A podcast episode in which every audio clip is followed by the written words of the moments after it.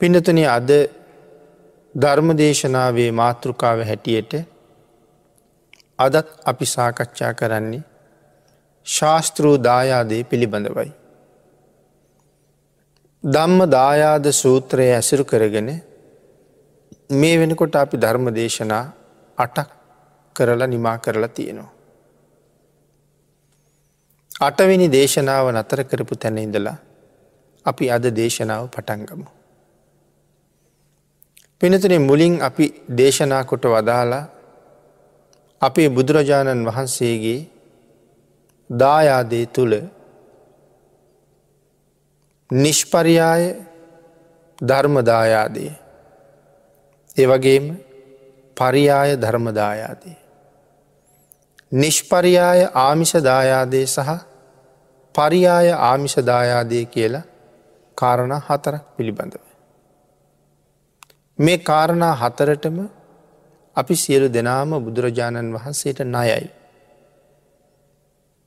එනම් අපි අද දේශනාව මුලින්ම සිහිපත් කරමු කලින් පැහැදිලි කළ මේ නිෂ්පරියාය ධර්මය සහ නිෂ්පරියාය පරියාය ධර්මය කියන්නේ මොකක්ද කියලා. කලින් දේශනාව සඳහන් කරපු නිසා ඉතාම කෙටිය. නිෂ්පරියාය ධර්මය කියල සඳහන් කළේ මේ ආර්ය මාර්ගය සෝවාන් සකදාගාමි අනාගාමි අරිහත්. මෙතන කාරණා හතරක් සඳහන් කළා. මෙතන සෝවාන් කියලකිය සෝවාන් පලයට සකදාගාමිකිවේ සකදාගාමි පලයට අනාගාමී කිවි අනාගාමි පලයට ඒවගේ මාර්හත්වේ. ඊට කලින් පින්නතින තියෙනවා සෝවාන් මග සකදාගාමි මග අනාගාමි මග අරිහත් මග. එතකොට කාරණාටයි. උතුම් නිවනයි නමයයි. මෙන්න මේ කාරණා නමය නිෂ්පරියාය ධර්මය ඒක ලැබෙන වෙන ක්‍රමයක් නෑ. මේක ලැබෙන එකම ක්‍රමය තමයි මේ කෙලෙස් යටපත් කරන්න. කෙලෙස් නැති කරන්න. යම් කෙනෙක් ආර්ය මාර්ගයට බැහැගත්තනං ආර්ය ධර්මය සේවනය කලා නං එක තමයි මේ උතුම් නිවන හොයාගෙන යන මග. සෝවාන් පලය ලබන්ඩ අපි විසින් දුරු කළ යුතු නීවරණයන් ප්‍රමාණයක් තියෙනවා. සංයෝජන ප්‍රමාණයක් තියෙනවා. සකදාගාමි වෙන්ඩත් අනාගාමි වෙන්ඩත් අපි විසින් දුරු කළ යුතු සංයෝජන ප්‍රමාණයක් තියෙනවා දස සංයෝජනවල ක්‍රමක් ක්‍රමයෙන් ක්‍රමක් ක්‍රමයෙන් ඒ දේවල් දුරු කරගෙන දුරු කරගෙන යනකොට තමයි අපිට මේ මග පල හම්බ වෙන්නේ. නෙමනම් ඒ කෙලවර තියෙනව නිවන. එමනම් වෙන කිසිම ක්‍රමයකින් හම්බ වෙන්නේ නැති. භාගිතුන් වහස දේශනා කරපු මේ උතුම් ආර්ය මාර්ගය සේවනය කිරීමෙන්ම තමයි මේ නිවන හම්බ වෙන්නේ. දුක නැති කිරීම. එහෙමනම් දුක ඇති වුණේ කොහොමද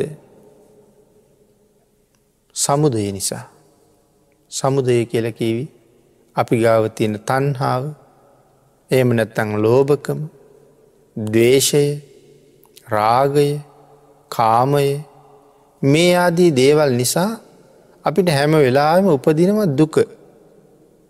එනම් මේ සඳහන් කරපු දේවල් වලට කෙටියෙන්ම තන්හාාවට සඳහන් කළේ සමුදය සත්‍ය කියලා. සමුදය නිසා තමයි දුක ඉපදිලා තියෙන්නේ. යම් කෙනෙක් ඒ සමුදය නැති කරන්න උත්සාහ කලා නම් එයාට දුක නැති කරන්න පුළුවන්. එහෙමනම් ඒ සමුදය දුරු කරලා සමුදයෙන් මිදිල දුක නැති කරන යම් ක්‍රමයක් තියෙනවා. එකට කියනවා මාර්ග සත්‍ය කියලා. මෙන්න මේ මාර්ගයෙන් මේ දුක නැති කරන්න පුළුවන්. මෙන්න මේ තන්හාාව නැති කරලා මේ දුක නැති කරන්න පුළුවන් එනම් තන්හාාව නැති කරන ක්‍රමය මොකක්ද. ආංගේ ක්‍රමය මාර්ග සත්‍යය පැහැදිලි කර. ඒ මාර්ග සත්‍යය ඔස්සේ සිත දියුණු කරගත්ත කෙනා අති උතුම් නිර්වාණය කරා ගමන් කරනවා. එහෙමනම් මෙන්න මේ පිළිවෙලින් මේ ආර්ය මාර්ගයේ යෙදිච්ච පුද්ගලයට පුළුවන් ඒ උතුම් නිවන හොයාගන්නට.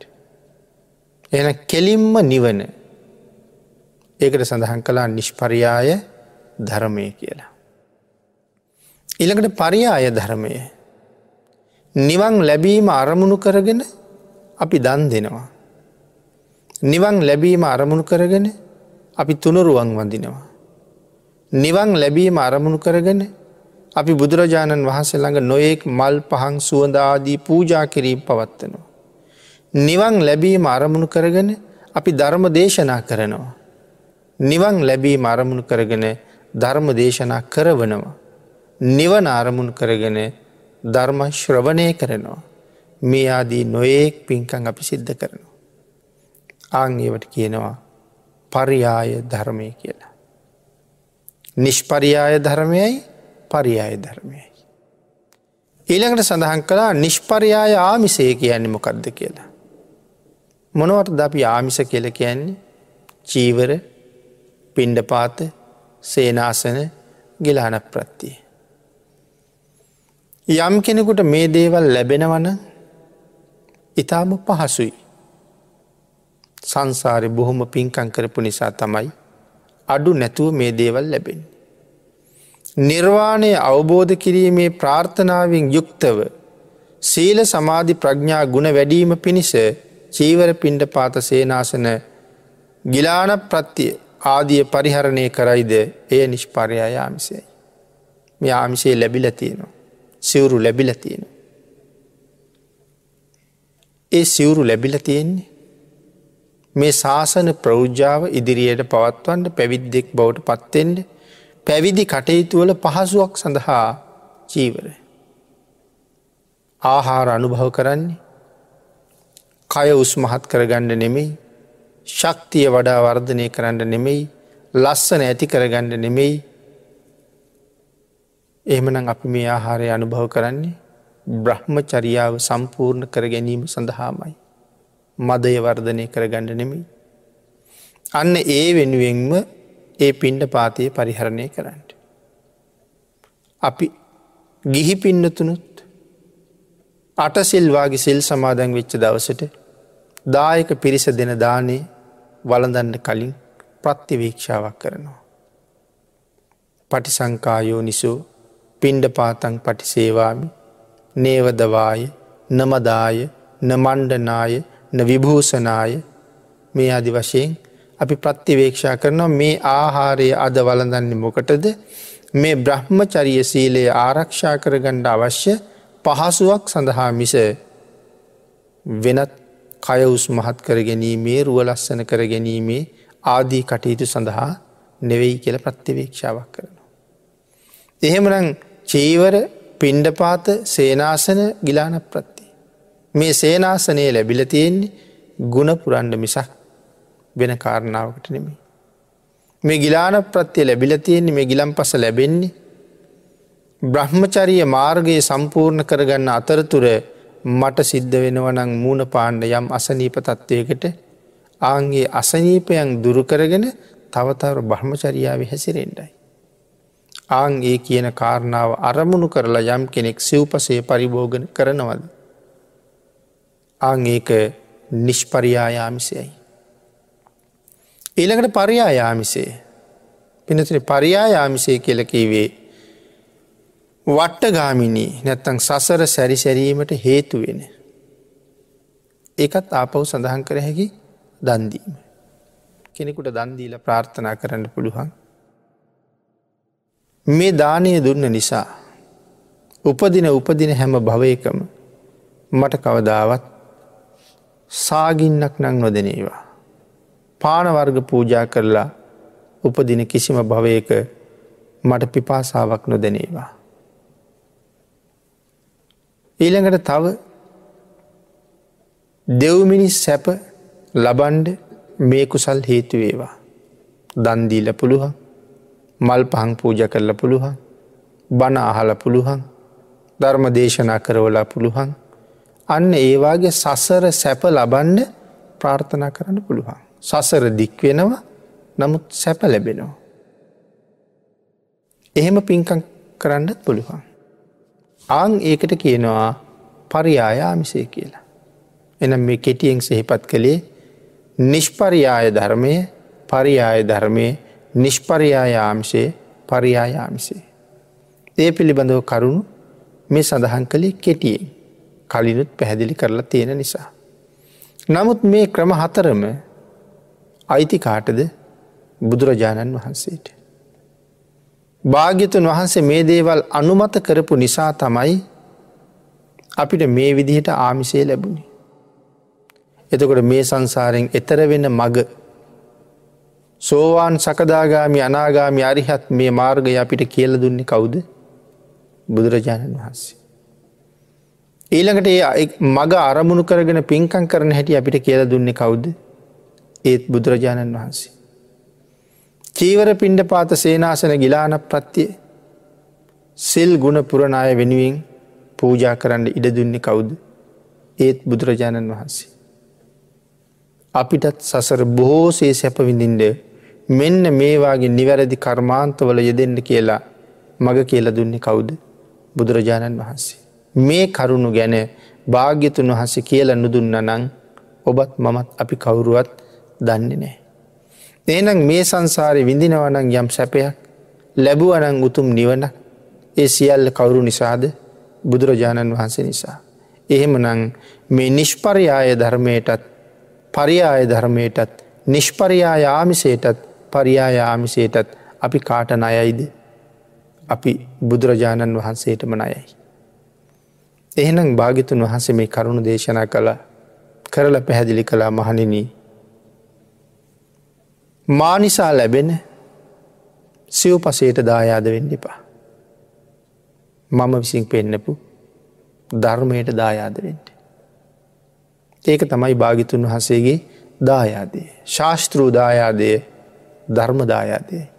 ආමිෂ දායාදය නෙමෙයි කියන කාරණාව බුදුරජාණන් වහසේ විශේෂයෙන් අපිට පැහැදිලි කරලා දේශනා කරනවා. එන පිනතින අපි සඳහන් කළා මේ දේවල් අපිට ලැබෙන්නේ බුදුරජාණන් වහන්සේ නිසහි කියලා. ඒ කාරණාව පැහැදිලි කරන්න හරි වටන කරුණු කීපයක් අපිට සාකච්ඡා කරන්න පුළුවන්. චීවර කොහොමද චීවර ලැබෙන්ඩ පටන් ගත්ති. කියන කාරණාව පැහැදිලි කරම මුලින්ම ශාසනය තිබුණේ පාන්සුකූලික චීවරය. භික්‍ෂූන් වහන්සේලා සොහොන් වල ගිහිල්ල මළමිනි ඔතල දාලා තියෙන රෙදි කෑලි අරගෙන ඇවිල්ල සෝදගත්තා. තැන්තැන්ගොල මිනිස්සු පරිහරණයෙන් ඉවතට විසි කරලා තියෙන රෙදි කෑලි කහල් ගොඩවල් වල පවා හොයාගත්තා. අපි හල තියෙනවා. පුක්කුසාති මහරජ්ජුරු බුදුරජාණන් වහන්සේගෙන් බනාහල ස්වාමීනිමම් පැවිදි කරවන්න කීප වෙලාවි. එනම් පාත්තරා සහ සිවුරු සොයාගෙන එන්න කෙළ කීවා. සිවුරු සකස් කරගන්ඩ රෙදි කෑලි හොයන්න ගිහිල කහල් ගොඩක් තමයි යවස්සුයි. මහරජෙක් ඒ කහල් ගොඩ උත්සන වෙලා වෙල දෙන කැනලා පිරිනිවම් පෑවා. විශේෂයෙන් අනාගාමි වෙලා හිටිය. ඒ නිසා අපුවත් වනා. ධරුචීරිය මහරහතන් වහන්සේ පැවිද්ද ඉල්ලපු වෙලාවේ ගිහිව තමයි රහත් වෙලා ඉන්න පැවිද්ද ඉල්ලහම ආපහු පාත්‍රා සිවරු හොයාගෙනෙන්ට කිවා. මේ වගේ මරදි කෑලි හොයනවා සිවරක් හදාගන්නඩ ඒ වෙලාවෙත් එල දෙනක් පහරදීලා මරන්නට පත්වර නැතම් පිරිනුවම් පෑව. එහෙමනම් දායකයෝ විසින් ගෙනහිල්ල පිළිගන්න ඔපු සිවුරක් මෙන්න කියලා තිබුණේ තිබුණි නෑ. සොයාගත්ත චීවර. ඒවට කිව පාන්සුකුල චීවර. පස්සෙ කාලේ මේ විදිහට ඉතාම සුව පහසු චීවර පලඳින්ට භාගිතුන් වහසේ අනු දැන වදාලි පිනතින ඒ පිළිබඳව සඳහන් කලා ජීවක වස්තුව පිළිබඳව. උදේනී රටේ පජ්ජෝත කියන රජ්ජුරුවන්ට පාණ්ඩු රෝගයක් හැදුනා. පජ්ජෝත රජ්ජුරුවන්ට නොයෙක් වෛද්‍යවරු වෙල්ල වෙදකං කළා. රජ්ජුරු සනීප කරන්න බැරුව ගියා. මේ කාලෙ පජ්ජෝත රජ්ජුරුවන්ට ආරංචුනා රජගහනුවර ඉන්නවා බෙම්බිසාර රජ්ජුරුවන්ගේ රාජකීය වෛද්‍යවරය. ඒ තමයි ජීවක වෙද මහත්තය. ජීවක වෙද මහත්තය ගෙන්න්න ගත්තා. ගෙන්නගෙන බෙහෙත් කරන්න ලෑස්ති වෙච්ච හම ගිතෙල් මිශ්‍ර එකම බෙහෙතයි දුන්නේ පජ්‍යෝත රජ්ජිරුවන්ගේ අසනීපේ සුවපත් වනා. රජ්ජිරුවන්ට හරි සතුටුයි. පිනතින උතුරුකුරු දිවයින කියල කියන්නේ මේ සක්කොල්ට අයිති. මේ ලෝකෙ සතර මහා දිවයිනින් එක. ජම්බුද්ධීපය උතුරුකුරු දිවයින පූරෝ විදේහය අපරගෝයානේ. උතුරුකුරු දිවයින පිළිබඳව විශේෂ කරුණු වෙනම සාකච්ඡා කළ යුතුයි. හරියට උතුරුකුරු දිවයිනි කියන්නේ දිව්‍ය ලෝකයක් හා සමානම තැන. අදටත් මිනිස්සුන්ගේ පරමාවිශය අවුරුදු දාහක් අවුරුදු දාහින් පහලාවිශ කවදාවත් අඩුවෙන්නේ අඩුවෙන්නේ නෑ අවමාවිශය අවුරුදු දාහයි. මේ උතුරුකුරු දිවයිනේ මිනිස්සු මැරුණ හම විශේෂ සලුවල ඔතල ගෙනහිල්ල සොහොම් පිටියල දානවා අහක දාන තැන්වලට දාන. ඒ සලු දිව්‍යමය සලු වගේ. සඳහන් කරනවා අපිට මිනිස්සුන්ට යන්න බෑ උතුරුකුරු දිවයිනට. එකන අපිට උතුරුකුරු දිවයින පේන්නේ නෑ. අභිග්ඥාලාබියකට උතුරුකුරු දිවයින දකිින්ඩත් පුළුවන් අවශ්‍යනං යන්නත් පුළුවන්. නමුත් අපිට බෑ පේනෙත් නෑ. නමුත් සඳහන් කරනවා හිමාලයේ වගේ ජීවත්වෙන විශාල කුරුල්ලු උතුරුකුරු දිවයිනට යනවා කියලා. ඇත් කඳ ලිහිනියෝවාගේ අය. ඒ ගියහම මේ විශාල ලිහිනියෝ අර දාලා තියෙන මලකඳන් උත්සගෙනේ නවා. හිමාලෙට අරගෙන ඇවිල්ල අර ඔතල තියෙන දිව්‍ය මේ සලු වගේ උතුරුකුරු වැසියන්ගේ සලු ලෙහෙල විසි කරලා ඔවුන් මලකුණු කනවා. හිමාලය ආශ්‍රයේ දඩේමී ගියපු වැද්දෙකුට මෙන්න මේ ඇත්කඳ ලිහිනියෝ ගෙනල්ල ලෙහෙලදාපු අර වස්ත්‍ර යුගලයක් හම්බ වුණා. ඒ වස්ත්‍රයක් කහවනු ලක්සකට වඩා වටිනවා. ඒහින්ද වැද්ද කල්පනා කළා මේක සුදුසුම අපේ රජ්ජුරුවන්ට කියලා. මේ වස්ත්‍ර යුගල අරගෙන ගිහිල්ල පජ්ජෝත රජ්ජුරුවන්ට පිළිගැනවා. රජ්ජිරු කල්පනා කළා සුව නොවෙන මගේ අසනීපය සුවපත් කරපු ජීවක වෛද්‍යතුමාට තෑගි කරලා යවන්න මේක හරි වටිනවා කියලා. ඒ වස්ත්‍ර යුගලයේ ජීවක වෛද්‍යාචාරිතුමාට තෑගි හැටියට යව්වා. මෙ දිව්‍ය මේ සලු දෙක ලැබුණ හම ජීවක වෛද්‍යතුමා කල්පනා කළා මේක සුදුසු එක්කු මගධාධිපති බිම්බිසාර රජ්ජිරුවන්ට එහෙම නැත්තං ලොවතුරා බුදුරජාණන් වහන්සේට. අන්න එහෙම හිතලා ජීවක වෛද්‍යතුමා තීරණය කළා මං මේක බුදුරජාණන් වහන්සේටම පූජ කරනවා. ජීවක වෛද්‍යතුමා ඒ වස්ත්‍ර යුගලය ගෙනහිල්ලා බුදුරජාණන් වහන්සේට පූජා කළා. බුදුරජාණන් වහන්සේට ඒ වස්ත්‍ර යුගලයේ පූජා කරලා ඉල්ලී මක් කලා ස්වාමීණී භික්‍ෂූන් වහන්සේලාටද ගෘහපති චීවර පිළිගණ්ඩ අනු දැන වදාරණ සේක්වා කියලා. එකන මිනිස්සු විසින් සකසලා පිළිගන්නවන සිවරු පූජා කරන්න භික්‍ෂූන් වහන්සලට අවසර දෙන්න කියලා පිළිගණ්ඩ. භාගිතුන් වහසේ ජීවක වෛද්‍යවරයට පින් අනුමෝදන් කරලා. එදා හැන්දෑවේ භික්‍ෂූන් වහන්සල රැස් කරවලා භික්‍ෂූන් වහසලට දේශනාවක් කලා මහනෙන පින් කැමති යම් දායකෙක්. සිවුරක් හදල පූජා කරනව නං ඒ චීවරයේ පිළිගණ්ඩ කියලා අද ඉඳල මම ඔබලාට අවසර දෙනවා කියලා. අන්න එදා ඒ අවසරයේ දුන්න නිසා තමයි භික්‍ෂූන් වහන්සේලාට අද ඉතාම පහසුවෙන් චීවර ලැබෙන්නේ. එහෙම නැත්තං අදත් තැන තැන රෙදි කෑල්ලි එකතු කරලා සිවුරු සකස් කර ගණ්ඩුවන. එනම් පාන්සුකූල චීවරයටත් අවසර තියෙනවා දායකයන් විසින් සකසලා පිළිගන්වන චීවරයේ පිළිගණ්ඩත් අවසර තියෙනවා. එනම් බුදුරජාණන් වහන්සේ අවසර දුන්න නිසා නේද දායකයන්ට සිවුරු පූජා කරන්න වාසනාව උදාවුණි. භික්‍ෂූන් වහන්සේලට ඉතා පහසුවෙන් දායකව පූජා කරන සිවුරෙන් යැපෙන්ඩ අවස්ථාව ලැබුණි. එහෙමනං ඒ අවසරය බුදුරජාණන් වහන්සේ දුන්නු නිසා මෙහි ප්‍රධාන අයිතිය කාටද බුදුරජාණන් වහන්සේට. ඊළඟට පින්නතුන මේ පින්ඩ පාතය පිළිබඳව කරුණු දක්වනකොට. අතීත භික්‍ෂූන් වහන්සේලා පිඩිසිංගා වැඩ ළමයි දානය හොයාගත්තේ. වෙන දං ලැබුණ ක්‍රමයක් තිබුණේ තිබුණි නෑ. භික්‍ෂූන් වහන්සේලාට ප්‍රනීත ආහාර බොහෝ වෙලාවට ලැබුණෙත් නෑ. ලැබුණ වෙලාවලුත් තිබුණ ඉතාම කටුක ආහාර ලැබුණ වෙලාවලුත් තිබුණ. එනම් සපදාන චාරිකාව. එමතන් පින්ඩ පාත භෝජනයෙන්ම යපුන කියල සඳහන් කරනවා. මෙම කාලයක් ගත වෙනකොට බුදුරජාණන් වහන්සේ රජගහනුවර වැඩවාසය කරන කාලී. විශේෂයෙන් බුදුරජාණන් වහන්සේගෙන් ඉල්ලීමක් කළා. කෞුද මේ ඉල්ලීම කරන්නේ දාහික විසි. විශේෂයෙන් සඳහන් කළා. බුදුරජාණන් වහන්සේගෙන් රජගහනුවර වැඩවාසය කරන කාලේ භාගිතුන් වහස දේශනා කරනවා අනුජානාමි භික්කවේ සංග බත්තන් උද්දේශ බත්තන් නිමන්තනං සලාක බත්තන් පක්කිකං උපෝසතිකං පාටිපාදිකං. මහනෙන සංඝයාගෙන් හෝ සංඝයා උදෙසා දායක ආදීන්ගෙන් භික්‍ෂූන්ට ලැබෙන බතක් ඒක මම අනුමත කරනවා. සංඝයාගෙන් සංඝයාට ලැබෙනවා. දායකයන්ගෙන් භික්‍ෂූන් වහන්සේලට ලැබෙනවා. දායකයෝ අරගෙන ඇවිල්ල ළඟට ගෙනල්ල පූජා කරනවා. සලාක බතක්.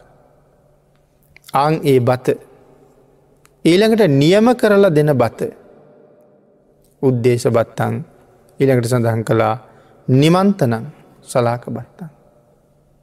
භික්‍ෂූන් උදෙසා දෙන දානය. ඊළඟට ආරාධනාවක් කරලා දානයක් දෙනවා. ස්වාමීණී අහවල් දවස අපි දානයක් පූජ කරනවා. අපේ දානි පිළිගණ්ඩ අපේ ගෙදරට වඩින්ට. ඒම නැත්තං භික්‍ෂූන් වහසල විහාරි වැඩයින්ට කීනමක් වැඩඉන්නවද අපි දානි හදාගෙනනවා. ආරාධනා කරලා පූජා කරනවා. පක්කිකං උපෝසතිකං පාටිපාදිකං. පක්ෂයක් පාසා දෙනදානේ. ඉළඟට සඳහන් කළා පොහෝය දිනේ පිරිනමන ලද දානය පෑලවිය දින පිරිනමන ලද බත අනුදනිමියයි වදාලා.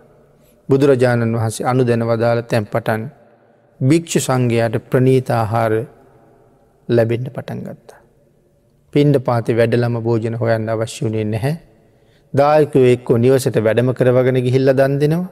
එහම නැත්තන් දායකව වැඩඉන්න ආරාමුවලට දානි හදාගෙනැවිල්ල පූජ කරනවා. එහෙම දෙන දානය පිළිගණ්ඩ කියලා බුදුරජාණන් වහන්සේ අනු දැනවදාලා. ඊළඟට සෙනසුන්දානය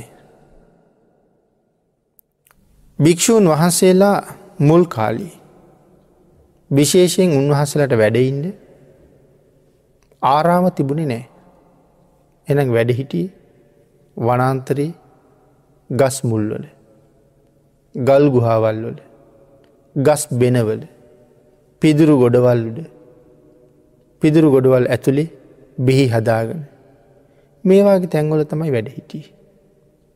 ගල් පරුවතොළ වල ගල්ලිංවල. භික්‍ෂූන් වහන්සේලා උදෑසනට මහ කඳු මුදුන ඉඳලා පල්ල හැට වඩිනවා පින්ඩ පාති වඩින්ට. වැඩ ඉන්න පිදුරු ගොඩවල් උඩින් රුක්ෂ මූල්ල වලින් භික්‍ෂූන් වහසල ගමට වඩිනවා දානි හොයාගන්ට. මෙන්න මේ වෙලාවේ විශේෂයෙන් බුදුරජාණන් වහස රජගහනුවර වේලු වනාරාමි වැඩහිටපු කාලේ බුදුරජාණන් වහන්සේ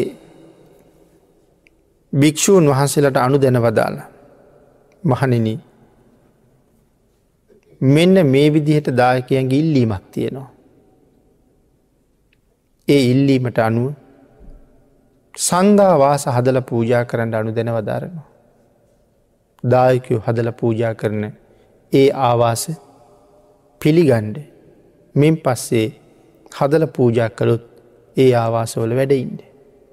කෞුද මේ ඉල්ලීම කරන්නේ සඳහන් කරනවා රජගහනුවර ප්‍රධාන සිටිතුමා රජගහනුවර සිටුවරය තමයි ඉල්ලීම කරන්නේ. තමන්ගේ උයනට යන අතර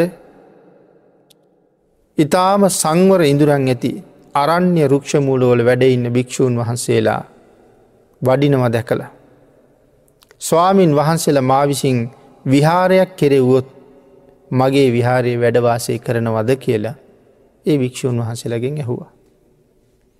භික්‍ෂූන් වහසල සඳහන් කළා ගෘහපතිය බුදුරජාණන් වහන්සේ විසින් විහාරදානය අනු දැන වදාලද. භාගිතුන් වහන්සේ එහෙම එකක් අපිට දේශනා කරලා දේශනා කරලා නෑ. ස්වාමීනී භාගිතුන් වහන්සේගෙන් විමසලා මට දැනුම් දෙන්න කියලා කීවා. ඒනං ඔබ වහසල භාගිතුන් වහසකින් අහන්ඩ විහාරයක් හදල දුන්නොත් පිළිගණ්ඩද කියලා. හාකීවොත් අවසර ලැබුණොත් මට ඒ පිළිබඳව දැනුවත් කරන්නට. භික්‍ෂූන් වහසල ගෙහිල්ල බුදුරජාණන් වහන්සේගෙන් ඇහුව ස්වාමිනි රජගහනුවර සිටුවරය අපෙන් මෙහෙම ඉල්ලීමක් කළා. සිටුවරයා විහාරයක් හදල දුන්නොත් අපි පිළිගණ්ඩද කියලා. ආං ඒ වෙලා බුදුරජාණන් වහන්සේ භික්‍ෂූන් වහසලට සඳහන් කලා මෙන්න මෙහෙම. රජගහනුවර සිටිතුමා විහාර කරවුණු කැමැත්තේ නම් අප විසින් ඒක කොහොම පිළිපදින්ටද කිය ලැහුව හම සඳහන් කලා මහනෙන විහාරයද ගුරුලු පියාපත් වැනි වහලය සහිත ගෙයද ඉතාම දිගට හදාපු පහයද සඳලු තල සහිත ගෙයද නොයෙක් විවිධ ගුහාවන්ද පිළිගන්න කියලා මං ඔබලාට අනු දැන වදාරනවා. එතකොට විහාරය එකැන හදල දුන්න ආවාසේ.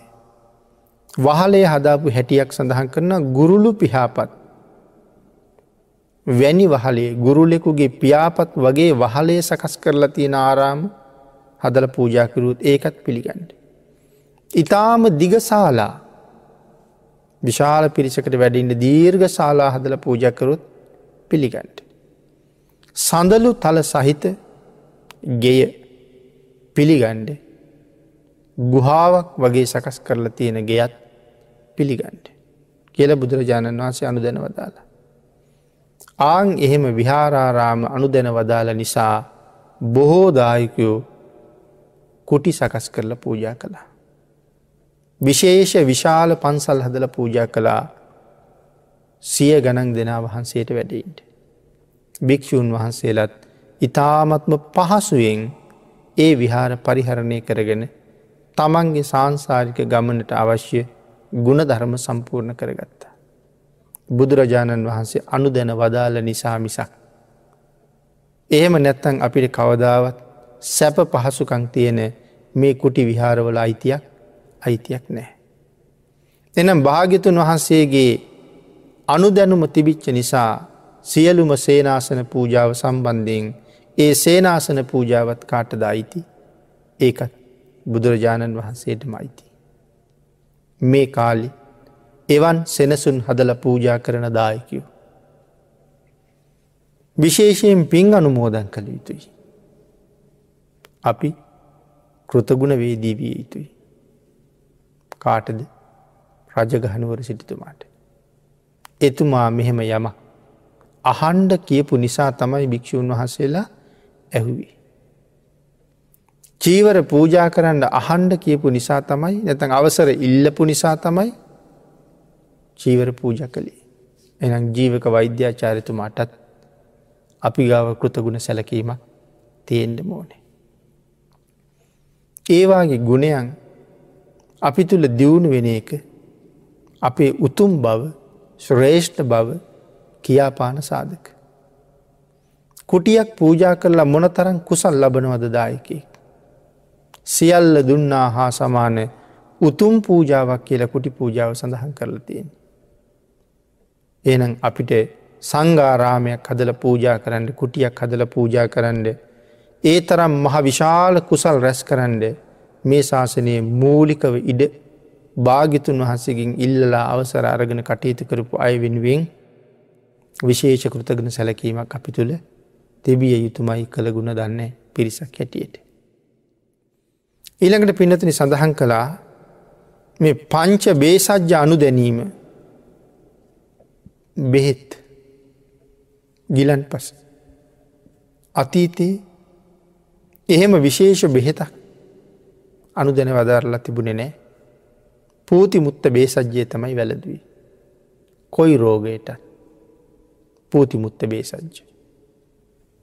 මේ අරලු ආදී දේවල් එකතු කරගත්ත මුත්‍ර තමයි බොහෝ වෙලාට වලඳලාතියෙන්. නමුත් අපේ බුදුරජාණන් වහන්සේ සැවැත්නූර ජේතවනාරාමි වැඩ සිටින කාලේ භික්‍ෂූන් වහසලා හරියට නොෙක් අවස්ථාවන්ල මේ සරත් කාලයේ ලෙඩ වුණා. පිත්‍රෝග උත්සන්න වෙච්ච නිසා අනුභව කරන ආහාර දිරවන්නේ නෑ. නොදිර වූ ආහාර නැවතාපහු උඩට එනවා. සමහර වෙලාවට අපිට පිත උත්සන්න වෙච්චහම අපි ගෙන උගුරට එනවා කියලා. එතකොට උගුරකට පිච්චිලා යනවා. සමහරලාට වලඳපු ආහාර අපහු කටට එනකම්ම එනවා. උඩට එනවා කියල සඳහන් කළේ ඒකයි. එතකොට යම් හේතුවක් නිසා ශික්ෂාපදය බොහෝම ගරු කරන ස්වාමීන් වහන්සල වලඳපු ආහාර නැවත වතාවක් කටට එනකම්ම අවුත් උඩට. ඒක ආපහු ගිලීම විකාල භෝජනයකට පවා හේතුවෙනවා. ඒකට විකල් බොජුනට ප්‍රතිකාර කරන්න ඕන කියල කියනවා. ඉතින් භික්‍ෂූන් වහන්සේලාට මේ අපහසුතාවේ දිගින් දිගට උෂ්ණ කාලය ඇති වෙන්න ගත්තා.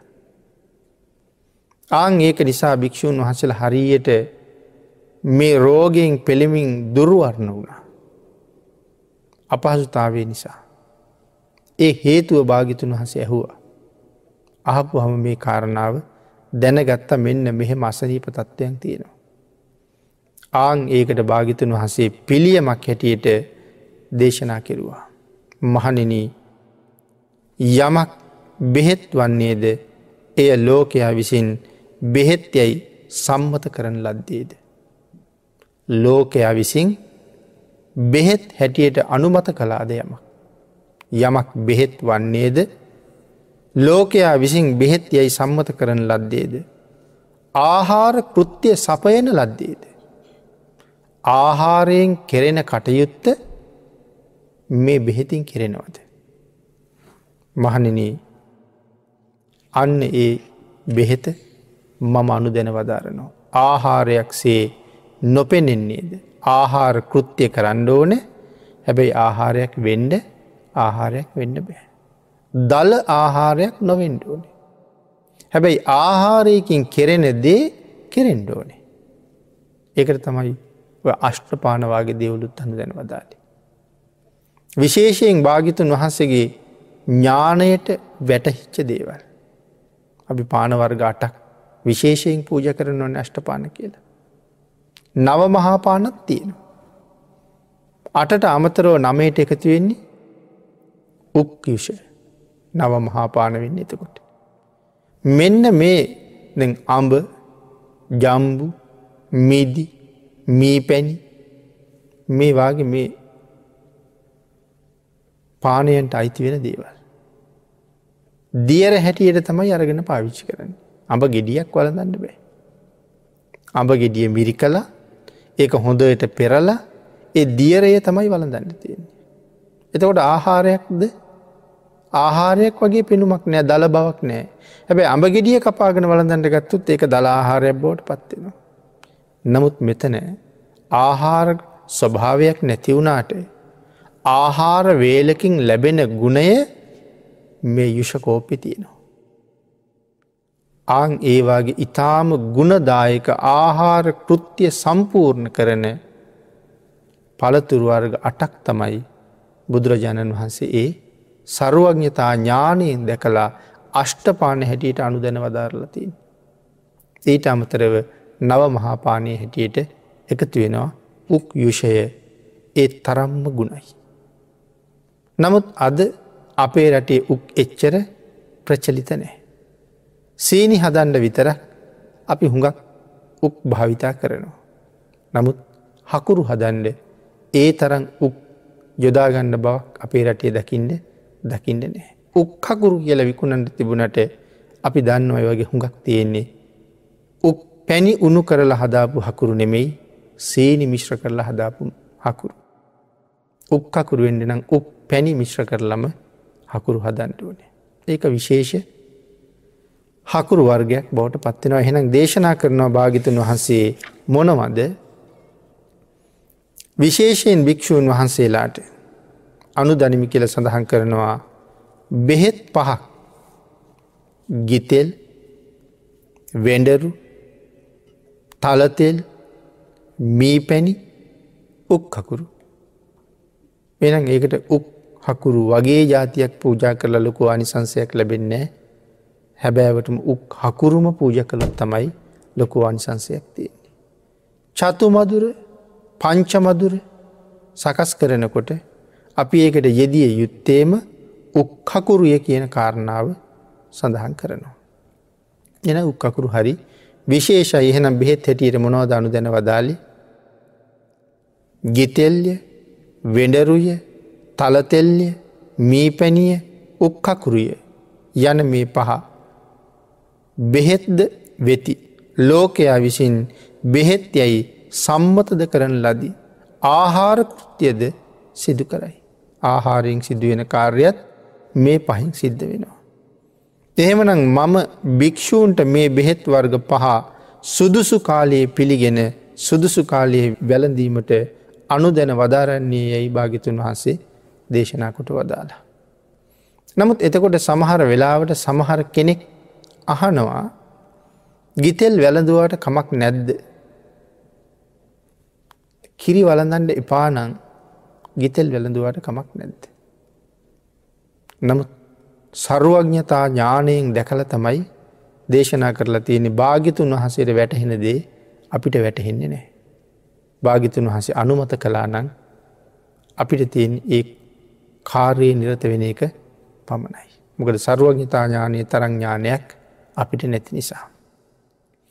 ඊළඟට පිනතින බුදුරජාණන් වහන්සේ හවස් කාලි පල සමෝතින් නැගිටලා මෙන්න මේ කාරණය හේතුවෙන්ම භික්‍ෂූන් වහසල රැස් කරවලා දැහැමි කතාවත් කරලා භික්‍ෂූන්ට අනුමත් නැවතවතාවක් දේශනා කළා සරත් කාලයේ පිත්‍රෝග හට ගැනීමෙන් භික්‍ෂූන් වහන්සේලාට බොන ලද කැඳ වලඳන ලද දානය නොදිරවීමෙන් උඩට නැගෙයිද ඒ හේතුවෙන් භික්‍ෂූන් වහන්සේලා වැහැරුණා වූ දුරුවරණ වුණා වූ පඩුවන් පැහැත්තා වූ නහර ඉලිපුනා වූ සිරුරු ඇතිව වාසී කරනවා. මොකද මේ රෝගය නිසා අපහස්ථාවට පත්වෙලා. එසේ හෙයින් යමක් බෙහෙත් වන්නේද ලෝකයා විසින් බෙහෙත්යයි සම්මත කරන ලද්දේද ආහාර කෘත්‍යය සපයන ලද්දේද දලාහාරයක්සේ නොපෙනෙන්නේද එබඳූ බෙහෙත් භික්‍ෂූන්ට අනුදනිමී කියල මුලින් භාගිතුන් වහසේ හිතල පස්ස භික්‍ෂූන් වහසල රැස් කරවල භික්‍ෂූන් වහසලට දේශනා කළා. මට මේ බෙහෙත් පහක් වැටහි. කාටද වැටහුණේ එතකොට බෙත් පහ ගැන බුදුරජාණන් වහන්සේටයි වැටවුණේ. මට මේ බෙහෙත් පහක් වැටහි. දේශනා කළා මහනිනි එහෙමනම් මොනවද ඒ බෙහෙත් පහ? අනුජානාමි භික්කවේ තානි පංච බේසජ්‍යානී බේසජ්‍යානී කාලයේ පටික් ගහෙත්වා කාලේ පරිබුංජිතුන් යනුවෙන් මහනෙන මේ පස් වැදෑරුම් උබෙහෙත් සුදුසු කාලයේ පිළි අරගෙන සුදුසු කාලය වරදන්ට. ඒමනං පරියායාමිසේ භාගිතුන් වහසේ අනුමත කරපු නිසා අපිට ලැබුණ. නිෂ්පරියාය ආමිසයත් එහෙමයි පරියාය ආමිසයත් එහෙමයි. බුදුරජාණන් වහන්සේගේ අවසරේ තියෙන නිසා විතරක්. පිළිගණ්ඩ අවස්ථාව තියෙන හින්ද. මෙන්න මේ කියන ආමිස සියල්ලම භාගිතුන් වහන්සේට මයිති. ඒ නිසා අපි සියලු දෙනාම භාගිතුන් වහන්සේටම මේ ආමිස සම්බන්ධයෙන් නයයි. එනම් ධර්මයටත් නයයි. කාශ්‍යප සම්මා සම්බුදුරජාණන් වහන්සේගෙන් පස්සේ නිවන් දකින ක්‍රමය ලෝකෙ ප්‍රචලිත වනේ නෑ කාශ්‍යප භාගිතුන් වහසගේ ශාසනය අතුරු දහඟුණාට පස්සේ නිවන් දකින්නේ කොහොමද කියලා කවුරුවත් දන්නේ නෑ. චතුරාරය සත්‍ය පිළිබඳව කාටවත් අවබෝධයක් අවබෝධයක් නෑ. නමුත් ඇත්තටම නිවන් දකින ක්‍රමය ලෝකෙ තිබ්බෙ නැද්ද ලෝකෙ තිබ්බා. නමුත් දන්න කෙනෙක් නෑ. අන්න ඒක හින්දා නැවතවතාවක් ලොවතුරා බුදුරජාණන් වහස නමක් ලෝකෙ පහළ වෙලා. මෙන්න මේ යට ගිහිල්ල තියෙන උතුම් නිවන් මග ආපවසරයක් මතු කරලා ලෝකයට පෙන්නෙනවා මෙන්න සංසාරෙන් එතර යන මග.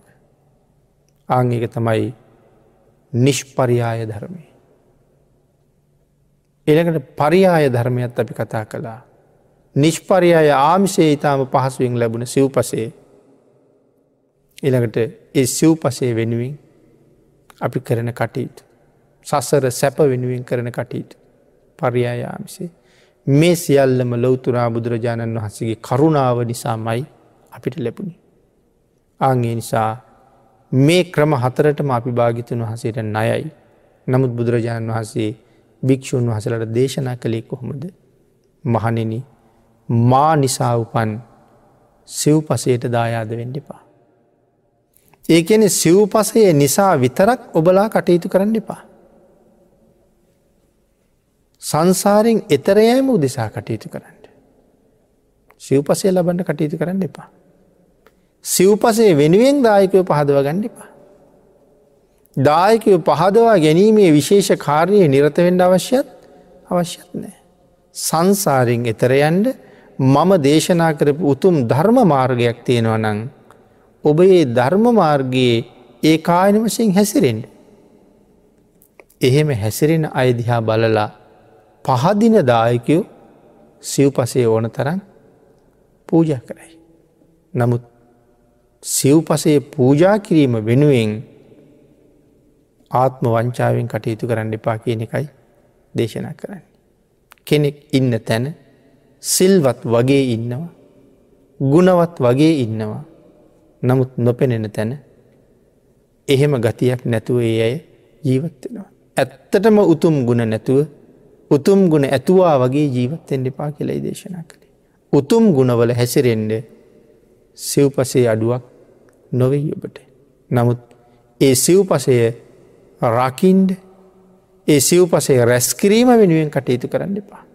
මුලින්ම අපි දේශනා කළා භාගිතුන් වහන්සේගේ කාලෙම එහෙම පිරිසක් ඇති වුණා කියලා. වර්තමානත් එහෙම අය නැතුව නෙමෙයි. ඒ අතීතයේ දායකයෝ ගෙනල්ල දම් පැන්දීල ගියාට පස්සේ. ඉතුරු වෙන දේවල් තියෙනවා. සමහර භික්‍ෂූන් වහසේලා කටිම්ම කියලා ඉල්ලවා ඔය උක්කකුරු අපිට දෙන්ඩ අපේ ආචාරිවරයට. ඔය ගිතෙල් අපිට දෙන්ඩ අපේ ආචාරිවරයට. එතකොට දැන් නිකම්ම මේ සිව් පසේ එක්රැස් කරන ස්වභාවයක් දකින්න ලැබුණ. එහිද දේශනා කලායි බා. ඒ සිව් පසේට දායාද වෙන්ඩිපා ධර්මයට විතරක් දායාදවෙන්ට. එතට භාගිතුන් වහසගේ දායාදය මොකක්ද ශාස්තෘ දායාදය ධර්මදායාදයයි. සසරින් මිදෙන්ට මිස මේ ශාසනයේ සසර දික්කරගන්න සසරය ඇලෙන්ඩ ඇලෙන්ඩ නෙමේ. කියන කාරණාව විශේෂයෙන් දේශනා කොට වතාලා. එහෙනම් අද මේ ධර්ම දේශනාව තුළින් භික්‍ෂූන් වහන්සේලාට සිව්පසය ලැබෙන්ඩ හේතුව මුල කොතනද කියන කාරණා ටිකයි අපි මේ විස්තර කරන්නට යෙදනේ. දායකයෝ සිව්පසේදීල පිංරැස් කරනවා සසරින් එතරවෙඩ වීරි වඩන උත්තමයෝ සිව්පසේ පහසුවෙන් ලැබෙන නිසා තමන්ගේ කාර්ය බොහොම පහසුවෙන් මුදුන්පත් කරගන්නවා. අපි දෙගොල්ලට මේකින් තියෙන්නේ ලොකු පහසුවක් ලොකු ලාභයක්. මේ දෙකම භාගිතුන් වහන්සගේ කරුණාව නිසාමයි. පිනතිනි ධර්ම දේශනාවට තියෙන කාලයේ නිමා වෙලා තියෙන නිසා. ශාස්තෘූ දායාදය පැහැදිලි කෙරෙන ධර්මදේශනා මාලාවි නමවෙනි ධර්ම දේශනාව මේ විදිහට අපි නිමා කරමු.